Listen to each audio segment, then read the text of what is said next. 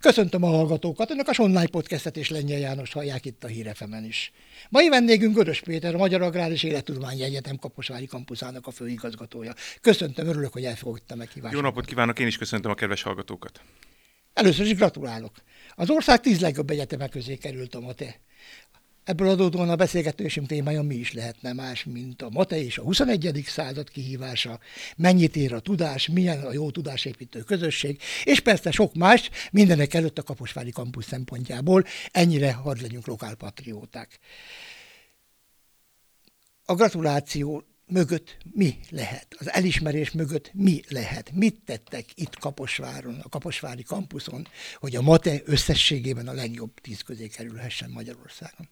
Ez egy nagyon-nagyon hosszú és bonyolult dolog volt, amikor nekiálltunk ennek az új intézménynek a létrehozására és pozícionálására. Azért egy nagy intézményrendszerről van szó öt kampusszal, mindegyik kampusznak meg kellett találni azokat a sajátosságokat, hogyan és miként tudja magát beilleszteni a térségi, városi és a, a régiós közegben. A Mate megalakulását követően úgy kezdtük, hogy felmértük a helyi és térségi piaci igényeket, megkérdeztük a piaci szereplőket, hogy milyen képzésekre lenne szükségünk. Más lehetőségek nyíltak meg számunkra, hiszen amikor megtörtént az integráció, akkor megnyílott számunkra a MATE teljes képzési portfóliója, és elkezdtük vizsgálni, hogy melyikek lennének azok a képzések, amiket ebbe a térségbe, régióba tudnánk adaptálni. Legutóbb a rektor úrral, amikor csináltam egy interjút, akkor azt a címet adtam, hogy, hogy nem Kaposvár ment Gödöllőre, hanem Gödöllő jött Kaposvárra. Tehát ez a jelenség, ez valóban így érvényesül, vagy tévedtem, amikor ezt a címet adtam? Ez valóban így van, hiszen azok a piaci szereplők, és illetve Kaposvár városa is egyértelműen kifejezte, hogy azokhoz a célkitűzésekhez, amiket felállított, hogy el szeretne érni, az egyik volt az újraéporosítás, a másik az agrár és élelmiszer központtá válás. Egyértelműen szükség van a műszaki képzésre Kaposváron, és az élelmiszer mérnök képzésre Kaposváron. A műszaki képzés tekintetében a jogelőtt Szent István Egyetemen volt gépészmérnök képzés, aha, aha. ezért azt tudtuk adaptálni a Kaposvári kampusszalra, így elindulhatott 2021. szeptemberében a gépészmérnök képzés Kaposváron, és megvizsgáltuk, hogy lenne létjogosultság a Kaposváron az élelmiszermérnök képzésnek, megkérdeztük a helyi piaci szereplőket, és egy szándéknyilatkozatot adtak a tekintetben, hogy segítik és támogatják ennek a gyakorlati hátterét, illetve beiskolázzák munkatársaikat ebbe, ebbe a képzésben. És így tudtuk elindítani 2022. szeptemberében az élelmiszermérnök képzést a Kaposvári kampuszon. Ezek mind korábban a jogelőd intézménynek a képzései voltak, de tudtuk adaptálni őket a Kaposvári kampuszra. Akkor mégsem tévedtem olyan nagyot azzal a címadással, úgy látom. Ha nézem a tevékenységüket az elmúlt időszakban, az elmúlt években, akkor azt látom, hogy még soha nem voltak ilyen közel, mondjuk itt Kaposváron, a, so, a Somogyi, a Kaposvári vállalkozásokhoz. Ez egy tudatos tevékenység? Tehát keresik a vállalkozásokkal való kapcsolatot, azokat a témákat, amiben össze tudnak kapcsolódni, amiben egymást tudják segíteni? Gyakran szoktam idézni a felsőoktatási szakirodalomból az úgynevezett Triple Helix modellt, ami pont azt mondja, hogy egy, egy térség, egy régió fejlődéséhez szoros együttműködésre van szükség a kormányzati, önkormányzati szektorral, a vállalati szektorral és az egyetemi szektorral, és nekik kéz a kézben kell a közös célok elérése mentén menni előre, mert ez tud hozzájárulni egy térség és egy régió fejlődéséhez. És ezeknél a képzéseknél ez ki is alakult.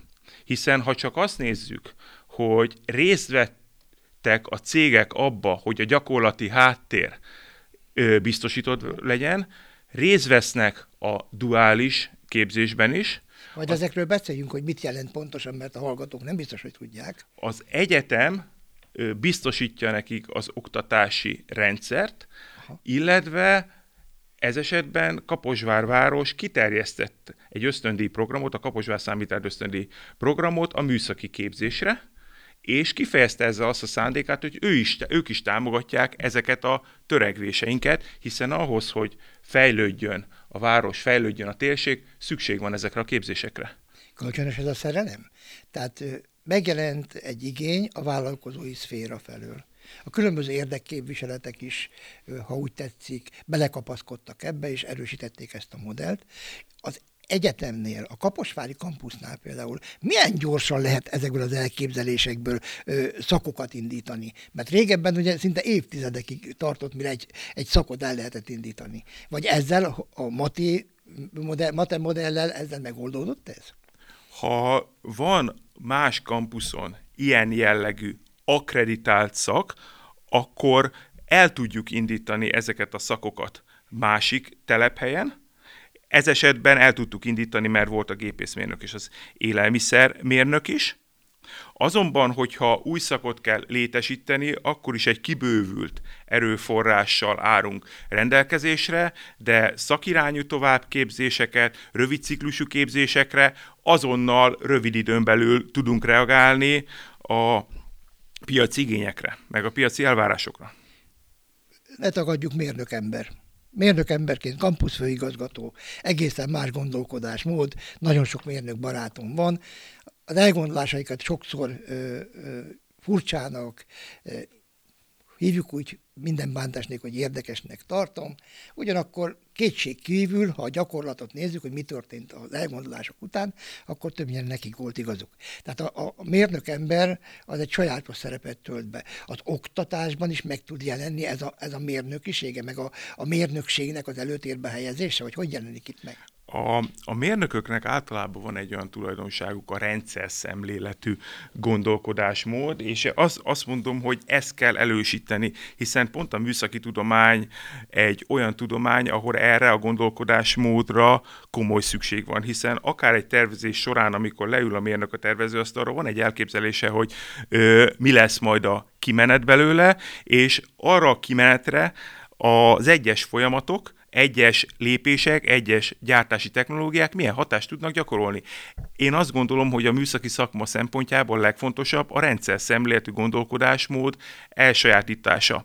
És egy gyorsan fejlődő ágazatról van szó, hiszen a műszaki tudomány rettentően gyorsan fejlődik, jelennek meg az újabb és újabb technikák, technológiák, ezzel folyamatosan lépést kell tartani, és fontos azt a szemléletet is átadni a, a, a diákoknak, hogy önállóan képesek legyenek problémákat megoldani, utána járni különböző fejlesztéseknek, különböző új technológiáknak, hiszen itt folyamatosan meg kell újítani a mérnököknek is a tudását.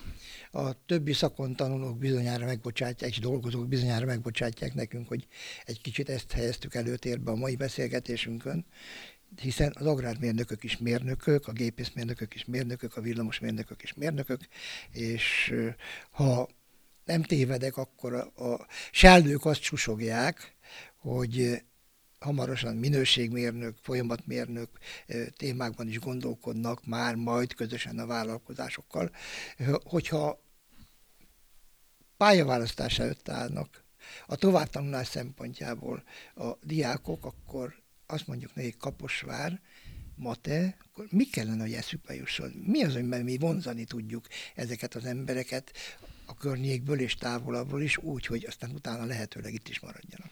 Ugye mi egy agrárfókuszú egyetem vagyunk, nyilván a képzési portfóliónk fókuszába ugye az agrárium áll. De azt szoktuk mondani, hogy a, a, az agrárium az egyik olyan terület, ahol a legnagyobb technika-technológiai fejlődés zajlott le, és ennek mind-mind köze van a mérnöki tudományokhoz. Hisz, hiszen ha digitalizációról beszélünk, ha, ha robotikáról beszélünk, ha dróntechnológiáról beszélünk, mindegyiknek köze van a műszaki tudományukhoz. És egy agrármérnöknek is kell lenni műszaki képzettségének, kell lenni gazdasági képzettségének, kell lenni informatikai képességeinek, hiszen, hiszen ezekből a technológiákból érkeznek folyamatosan az adatok, amiket fel kell dolgozni, értelmezni kell, elemezni kell, és el kell jutni egy adatvezérelt döntéshozatali irányában, mert ez elkerülhetetlen a mai világban. Mert ha létrejön ez a sok adat, ezzel a sok adattal a döntéseinket tudjuk alátámasztani és befolyásolni. Ez azért is érdekes, mert egyrészt tervezni kell, tehát az agráriumban dolgozók is terveket, üzleti terveket készítenek, amihez a digitális háttér az elképzelhetetlen. Ugyanakkor, aminap olvastam, hogy robot fejé a tehenet. Tehát ma már az állattenyésztéshez kapcsolódó korábbi hiedelmek is megtölnek, hogy, hogy mindig minden pillanatban ott kell lenni. Persze a gondos gazda az, az nagyon fontos ebben a folyamatban, de már itt tart, itt tart a tudomány. Hogy fogadják ezt a hallgatók, a leendő hallgatók és a tanul, most itt tanuló hallgatók. Ugye azért a, a, az agráriumban is teret hódít, ugye nyilván ezek, ezek a korszerű technológiák, de azért az alapokat, a, a, az állattenyésztés, növénytermesztés alaprait nyilván le kell tenni, hiszen döntéseket a, a szakmai ö, dolgok mérlegelésével lehet meghozni. A hallgatóknak nagyon-nagyon tetszik ez a, ez a technológia, ezért is indítottuk el ö, azt a programokat, pro, programunkat, hogy a, a helyi térségi iskolákat elhozzuk a kampuszra, és legutoljára pont egy biológia óra keretén belül mutattuk be azt, hogy állattenyésztés nem csak telepi körülmények között, hanem laboratóriumi körülmények között is zajlik. Bemutattuk azokat a tevékenységet, ami nekünk az embrió átültető központunkba zajlik, és felkeltettük a, a diákoknak a, az érdeklődését. Tehát az agrármérnök az már egy átfogóbb tudással rendelkező szakemberré válik, hogyha elvégzi a képzést. És fontos nekünk az, hogy ezt megmutassuk a diákoknak. És ugyanúgy fontos megmutatni, hogy az agráriumban is ott vannak azok a korszerű technológiák, és lehetősége nyílik azoknak a diákoknak ezeket a technológiákat elsajátítani. A mai környezetben egy telepre is szükség van arra az emberre, aki a szakmai tudását adja, szükség van arra, aki a műszaki ismereteket ö, ö, teszi bele a telep működésében, és ahogy említettem, szükséges az az ember, aki azokat az adatokat, ami ezekből a korszerű technológiákból kinyerhető, azokat értelmezi, elemzi, nyilván szoros együttműködésben a szakma képviselőivel, illetve azokra az emberekre, akik ebből bármi nemű gazdasági számítás, gazdasági modellt, előjelezést készítenek a későbbi adatalapú döntéshozatalhoz. Azért is örülök, hogy itt van, mert méltatlanul keveset beszélünk ezekről a dolgokról. Én soha nem felejtem el, a Neo de évtizedekkel ezelőtt volt már, amikor egy SK3-as kombány, nem tudom sokak számára mit mond ez egyáltalán, tehát valami ős matuzsálem, fedél nélküli ős matuzsálem nyergébe ülve arattam az egyik közismert szereplővel. Ahhoz képest most, ha kinyitok egy ilyen traktorajtót vagy kombájnajtót, akkor úgy néz ki, mintha valami, valami számítógépes műhelyben lennék. Nem csak, és általában ilyenkor mindig a légkondicionálás mondja, pedig nem ez a lényeg ennek az egésznek én úgy szoktam fogalmazni, hogy amikor belünk egy ilyen korszerű, precíziós mezőgazdasági eszközben, akkor Igen. olyan, mint egy tech cégnek, az egyik fejlesztőjének a székébe ülnék bele, mert mindenhol monitorok, különböző joystickok, különböző vezérlő eszközök állnak rendelkezésre. Nyilván fontos a klimatizálás, de, de azt gondolom, hogy sokkal vonzóbb az a technológia, ami ott fogad minket, hogyha beülünk egy ilyen korszerű eszközbe. Én azért is hoztam ezt, és időznék ennél a témánál, mert én is döbbenettel olvastam, hogy az, hogy egy robot feje, tehát az egy dolog de közben milyen adatokat tud meg a kifejt tejről. Hogy, hogy adatsorok képeződnek, és azok rögzítésre kerülnek, visszakereshetők, megnevezhető, hogy a Juliska nevű tehén, vagy az akármelyik tehén adta éppen ezt a tejet, a feldolgozás folyamatában bárhol van. Ez mennyire szelektálja a hallgatókat, vagy a hallgatói érdeklődést? Tehát, tehát az új iránt leginkább fogékony, innovatív típusú gondolkodók keresik a matek egyeit, ha tetszik? Mindegyik terület. Van, van, akit szakmailag érdekel, hogy azokból az adatokból milyen szakmai döntéseket tud hozni, és van az a terület, az adatelemző, amikor létreáll ez a nagy adathalmaz, és ezek, ezeket az adatokat milyen technológiák segítségével tudjuk elemezni, és hogyan tudunk adatot szolgáltatni a szakma számára mind a két terület érdekli nagyon-nagyon a, a hallgatókat. Az egyik sokkal inkább egy szakmai, a másik meg inkább ilyen adatelemzői. És, és itt visszakanyarodnék az új képzésekre. Ö, idén szeptembertől el tudtuk indítani a gazdasági informatikus képzést is. Uh-huh. A, a mi, Kaposvári... Mi ennek? Beszéljünk erről egy kicsit, hogy akik oda jelentkeznek, azok, azok milyen tudást szereznek? A gazdasági informatika egy, egy érdekes terület, mert látja a gazdasági folyamatok mögötti adatbázisokban létrejövő tranzakciós műveleteket, és ez, ezeket tudja paraméterezni. Jelen pillanatban azért az elmúlt időszakban, ha a controlling területet nézzük, abba is egy, egy óriási ö, fejlődés ö, zaj, zajlott le. Sokkal inkább ad, alapadatokból készítenek különböző előrejelzéseket, és hasonlítsák, hasonlítják össze a tényadatokat, amik viszont a gazdasági rendszerből kinyerhetők. Tehát fontos, amikor adatalapú döntésekről beszélünk, hogy ezekhez a megfelelő adatrögzítési, adatfogadási háttereket, az adatbázisokat hozzáértő informatika kompetenciával rendelkező emberek állítsák elő, és fontos a szakmával szorosan együttműködve, hogy az egyes adatok között milyen kommunikáció, milyen adatkapcsolat van, ahhoz, hogy utána az a riport, ami adott esetben a felsővezetők tulajdonosoknak megy a döntéshozatalra, az több szempontból, több aspektusból mutassa be, készítse elő döntésre az egyeteme, vagy a bocsánat, a, a vállalatokon belül zajló tevékenységek működését.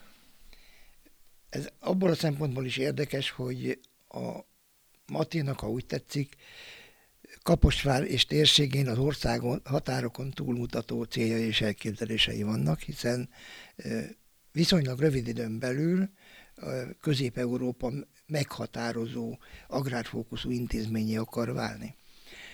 Ennek kétféle érintettsége is lehet a Kaposvári kampusz szempontjából. Mit nyerünk ezáltal mi, itt Kaposváron, a Kaposvári kampusz, illetve mi az, amit mi hozzá tudunk tenni, hogy a, a nagy maté összességében nemzetközi összehasonlításban is jól szerepeljen és megállja a helyét, nehogy Isten versenyképes legyen, nőjön a, a külföldi diákoknak a száma, az itt tanuló külföldiek száma, részt vegyenek nemzetközi kutatási programokban. Beszéljünk egy kicsit ezekről is. Azt gondolom, hogy eh, ahhoz, hogy, hogy versenyképesek legyünk és fölkerüljünk előkelő helyre ezekhez a rangsorokba, nyilván kiváló kutatókra, van szükség, és a kutatóknak biztosítanunk kell a megfelelő infrastruktúrát, hogy el tudják végezni a kutatást. És ebbe Kaposvár élen jár, hiszen a, a, az elmúlt évtizedben azért az uniós forrásoknak köszönhetően jelentős fejlesztéseket tudtunk megvalósítani, meg tudtuk újítani a laboratórium infrastruktúrát, meg tudtuk, ugye beszéltünk a, a fejrobotos istálóról, meg tudtuk újítani a, a tangazdasági infrastruktúránkat, az előadói komplexumainkat is fel tudtuk újítani. Ezek mind azt hivatottak kiszolgálni, hogy a kutatók rendelkezzenek korszerű kutatási infrastruktúrával, és egy másik nagyon fontos cél, hogy a hallgatóknak korszerű körülmények között tudjunk biztosítani gyakorlati képzést. És fontosak az ilyen technológiába kinyerhető adatok is, hiszen ezek mind-mind hozzájárulnak különböző publikációk születéséhez, különböző doktori témákhoz, e, és ehhez elengedhetetlen a korszerű technológiának a megléte.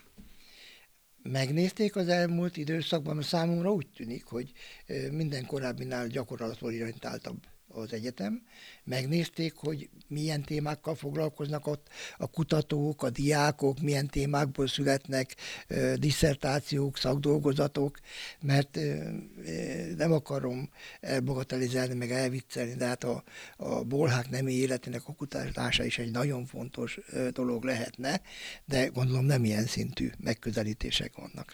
A MATE azt tűzte ki fő céljának, hogy döntően olyan jellegű kutatások induljanak, amiket utána a piac tud hasznosítani. És ezekkel a korszerű technológiákkal lehet olyan kis üzemi körülmények között végezni különböző kutatásokat, ami majd adott esetben egy nagyobb telepi infrastruktúrának akár a létrehozásához, akár a működtetéséhez alapadatokat, alapinformációkat tud szolgálni ahhoz, hogy ott hatékonyabb működés, hatékonyabb ö, termelés és racionalizáltabb folyamatok létrejöjjenek. És ez érinti akár a technológiát, vagy akár a különböző állatokhoz kapcsolódó élettani jellegű takarmányzási kutatásokat. Lássuk be ezek az új feltételek, ez az új szemlélet azért, azért új kihívásokat is jelent a szereplők számára. Hogy viszonyulnak ez a hallgatók, és hogy viszonyulnak ehhez az oktatók, kutatók? Egy könnyű az átmenet, vagy egy kicsit azért meg kell küzdeni ezzel? A, a, hallgató, a hallgatók nagyon-nagyon ö, nyitottak ezeknek a korszerű ö, technológiák irányában, és azt gondolom, hogy ennek köszönhetően kell a gyakorlati képzéseket ö, még inkább ö, hangsúlyba helyezni. A gyakorlati ismeretek révén sokkal inkább el tudják sajátítani utána az elméleti hátteret. Megismerkednek magával azzal a környezettel, ami körül fogja venni őket, hogyha ők kimennek a munkaerőpiacra. Többek között ezért is tartom akár a műszaki képzés vonatkozásában a duális képzést egy nagyon jó képzési formának, hiszen már a, az egyetem évei alatt viszonylag korán cégekhez kerül, ahol megismerkedik az adott cégnek a szervezeti kultúrájával, a másik oldalon el tudja sajátítani az adott tevékenységre vonatkozóan a gyakorlati ismereteket, ami egy segítséget nyújt az elméleti háttér elsajátításához is, és ott egy mentormérnök, hogyha foglalkozik vele, akkor ez a, ez a fejlődési folyamat egy kicsit gyorsabb lehet. A másik, ami nagyon-nagyon fontos, hogy az adott szakma iránti elkötelezettséget, érdeklődést fönn tudjuk ezzel a dologgal tartani, és ami egy rendkívül nagy előny, hogy ha a duális képzés keretében végez egy diák, már nem pályakezdőként lép ki a munkaerőpiacra, hanem már rendelkezik gyakorlattal. És ezért tartom fontosnak, hogy a gyakorlati képzést a képzésen belül ö, erősíteni kell és szükséges. Az oktatók szintén nyitottak ezekre a korszerű technológiákra, hiszen nekik a kutatásuk során is használni kell ezeket a, az eszközöket, ami, ami szintén egy kifinomultabb kutatási hátteret biztosít számukra. Jó, jó, én ezt mind megértem, csak fogadja el tőlem, hogy én ugye régebb óta vagyok fiatal, és én még tanultam olyan egyetemeken, ahol a, az én oktatóim, akiknek végtelenül sokat köszönhetek, és innen is köszönöm a, a munkájukat, bizony megsárgult lapokkal is szoktak bejönni órára. Ma meg már ugye szó sem lehet erről, hiszen olyan gyorsan, olyan mértékben épül el a tudás, hogy aki az oktatók között is kimarad, az lemarad. Van-e valami ösztönzési rendszer erre a, a matén belül, hogy, hogy az oktatókat mind jobb helyzetbe hozzák a témaválasztás szempontjából is, vagy a különböző sikerekben a személyes érdekeltségüket is megtalálják, illetve hogy a hallgatókat mindezekbe bevonják?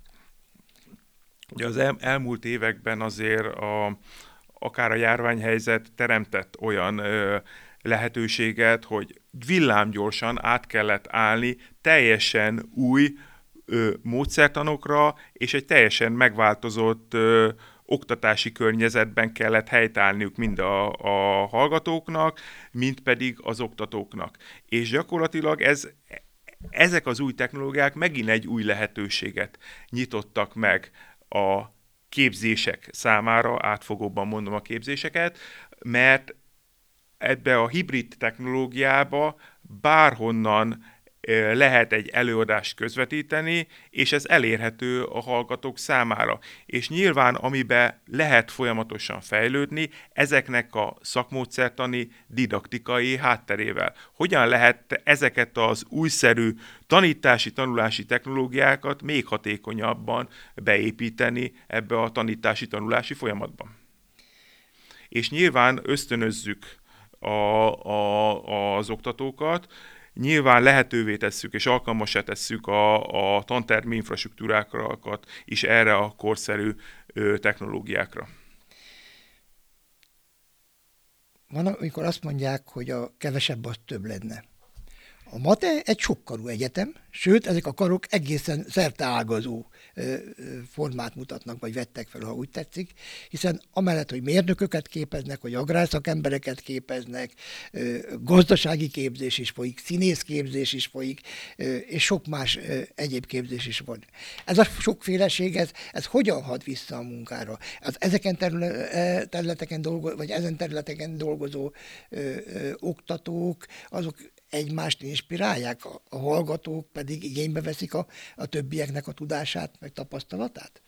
Ugye, az egyetemi életről akarom kérdezni ilyen körmönfontan.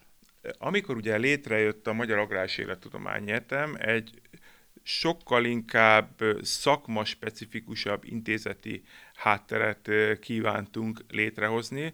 Jelen pillanatban Matéban 20 intézet folyik, ezek, ezek agrárfókuszú intézetek, de ahogy tetszett mondani, ebben megtalálhatók a gazdasági területek is. A gazdasági terület rettentően összefügg a, az agrárterülettel, ha most ennek az a, a, ilyen ökonómiai hátterét nézem a, az agráriumnak, ez egy nagyon-nagyon fontos terület.